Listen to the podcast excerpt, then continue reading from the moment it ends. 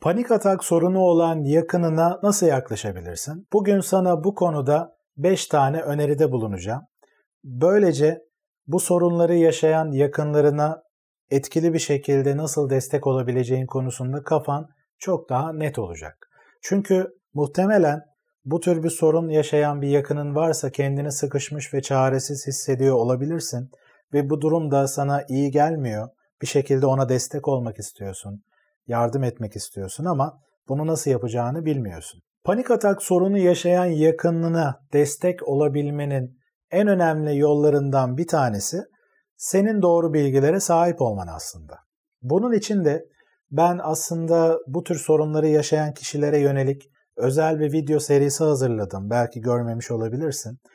Şu anki videoyu çektiğim zaman itibariyle 20'ye yakın video var. Panik atak, panik bozukluğu çok detaylı şekilde anlattım.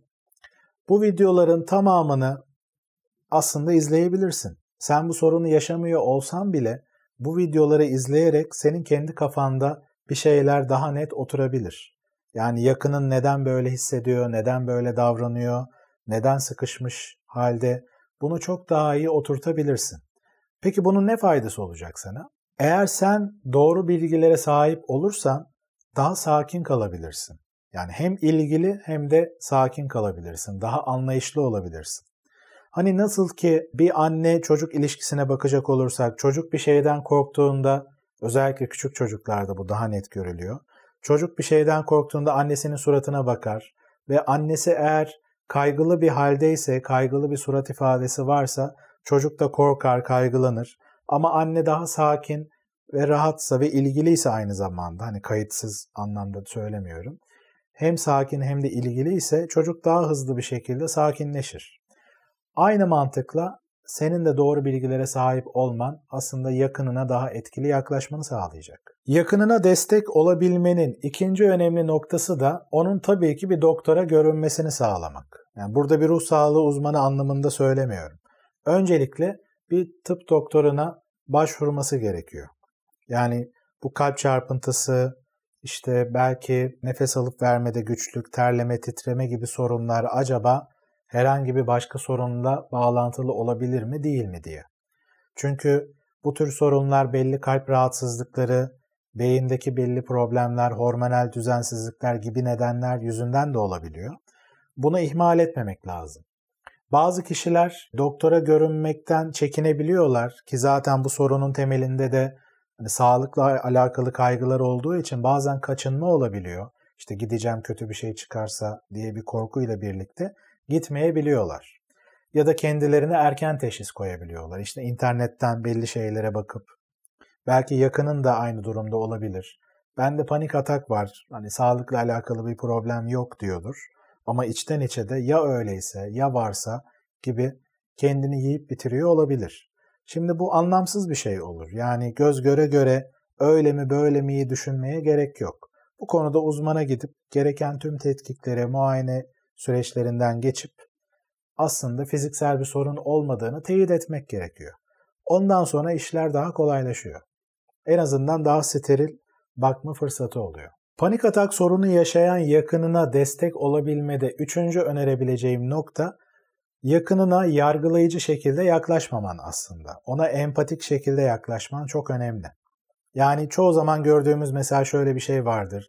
Ya sen kafana takıyorsun, büyütme, işte doktora gittik, doktor bir hastalık olmadığını söyledi, daha senin derdin nedir, niye böyle takılıyorsun, büyütüyorsun, saçmalıyorsun gibi yargılayıcı bir üslupla yaklaştığında aslında yardımcı olmuyorsun. Ve böyle yaklaştığında aslında yakının anlaşılmamış hissediyor ve yalnız hissediyor kendini. Anlaşılmamak, yalnızlık hisleri, kaygıları çoğu zaman aslında alttan alta besleyen sorunlar da olabiliyor. Dolayısıyla sen özellikle zaten daha önce hazırladığım bu panik ataklarla alakalı videoları izlediysen bu sorunu daha yakından bileceğin için zaten otomatik olarak yargılayıcı olmayacaksındır. Dolayısıyla o bilgileri de bu süreçte kullanabilirsin. Diyelim ki yakının senin yanında böyle bir kaygı atağı yaşıyor. Mesela belki de şunu diyor işte nefes alamıyorum şu anda, nefes alamayacağım, bedenimde oksijen bitecek, öleceğim ya da işte e, beynime zarar gelecek gibi bir korkusu var diyelim ki. Bunu fark ettiğinde belki onu hatırlatabilirsin. Yani doktora gittik, sağlıklısın, merak etme.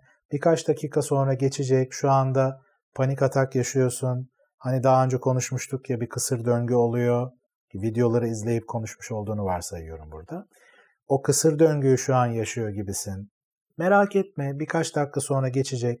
Yanındayım senin gibi telkinler vermek aslında. Hani nefes alamıyorum gibi şeyler söylüyorsa da işte nefes alıyorsun sadece daha hızlı ve kesik kesik nefes alıyorsun. Çünkü beynin alarm veriyor şu anda. Ve biraz yor, yorulmuş olabilirsin bundan dolayı. Öyle gibi geliyor sana ama yeterli oksijeni alıyorsun.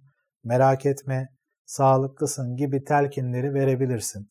Daha doğrusu bu doğru bilgileri ona hatırlatabilirsin. Bu konularda sana verebileceğim dördüncü tavsiye de yakınına destek olma konusunda tabii ki yakınının bu videoları izlemesini sağlamak. Onun bu doğru bilgileri alma sorumluluğunu aslında teşvik etmek. Bu sorunlarla alakalı video serisi olsun ya da genel anlamda kişisel gelişime yönelik birçok videoyu kanalımda paylaştım.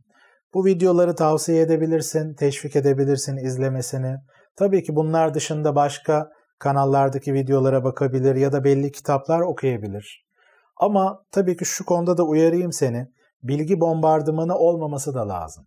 Çünkü çok fazla bilgi yüklemesi olursa bu sefer de kafa karışır ve kafa karışıklığının olduğu yerde de çoğu zaman otomatik pilot devreye girer ve o kaygılar aslında azalmaz giderek artar.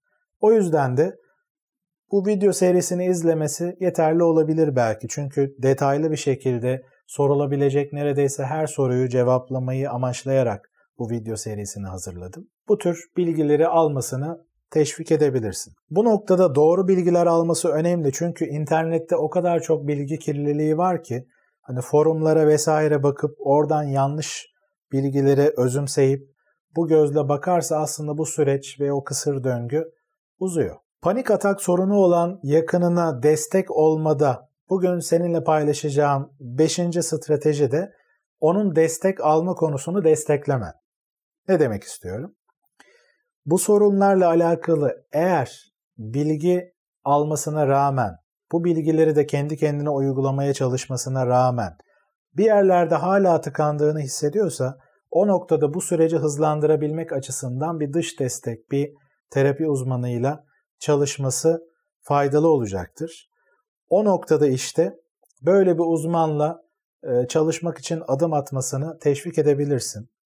Bu konuda bazen insanların çekinceleri olabiliyor, belli ön yargıları olabiliyor. Ee, bu ön yargıların, yanlış düşüncelerin, bilgilerin düzeltilmesi lazım. Buna yönelik de özel bir video hazırladım. Psikologlara, terapi sürecine yönelik ön yargılar nelerdir diye. Bu videoyu da öncelikle yine sen izleyebilirsin, kendi içinde oturtabilirsin. Yakınının bu videoyu izlemesini sağlayabilirsin ve oradaki çekincelerini gözlemleyebilirsin gördüğün belli yanlış bilgiler, ön yargılar olduğunda ona mesela şunu diyebilirsin. Ya ben de öğrendiğim kadarıyla hani referans vererek şu noktada öğrendiğim kadarıyla aslında o dediğin gibi değilmiş, şöyleymiş. Ne dersin hani bu konuyu bir araştıralım mı? Ya da hatta bir uzmana istersen bir telefonla başvuralım. Ona bir sor doğrudan öncelikle ön bilgi olarak ki böyle bir imkan var. Yani çalışabilir gibi hissettiğiniz bir uzmanla telefonla önden bir bilgi alabilirsiniz. Böyle bir destek alması konusunda yakınını teşvik edersen bu süreçte de özellikle daha hızlı bir şekilde olumlu anlamda yol alma fırsatı olur. Özellikle de eğer bu sorun kronik hale geldiyse, yaşam kalitesini önemli ölçüde kısıtlıyorsa, mesela diyelim ki yakınında agorofobi gibi bir durum ortaya çıkıyor.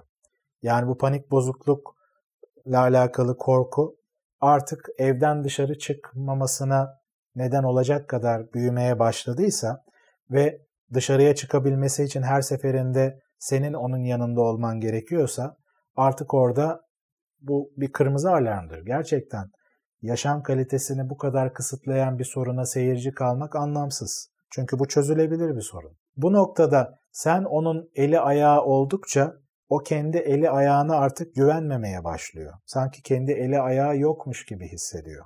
Dolayısıyla o noktada bir nevi sana bağımlı hissetmeye başlıyor.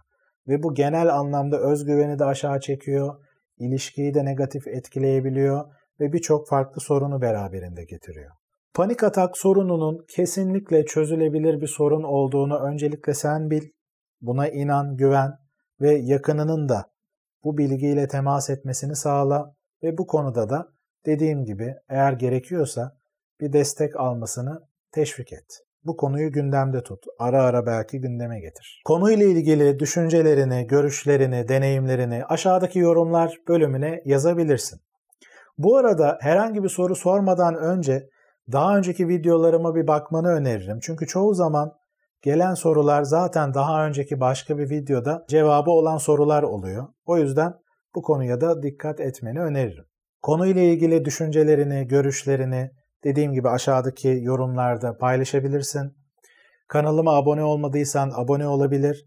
Beğendiğin ya da beğenmediğin videoları işaretleyebilirsin. Tekrar görüşmek üzere.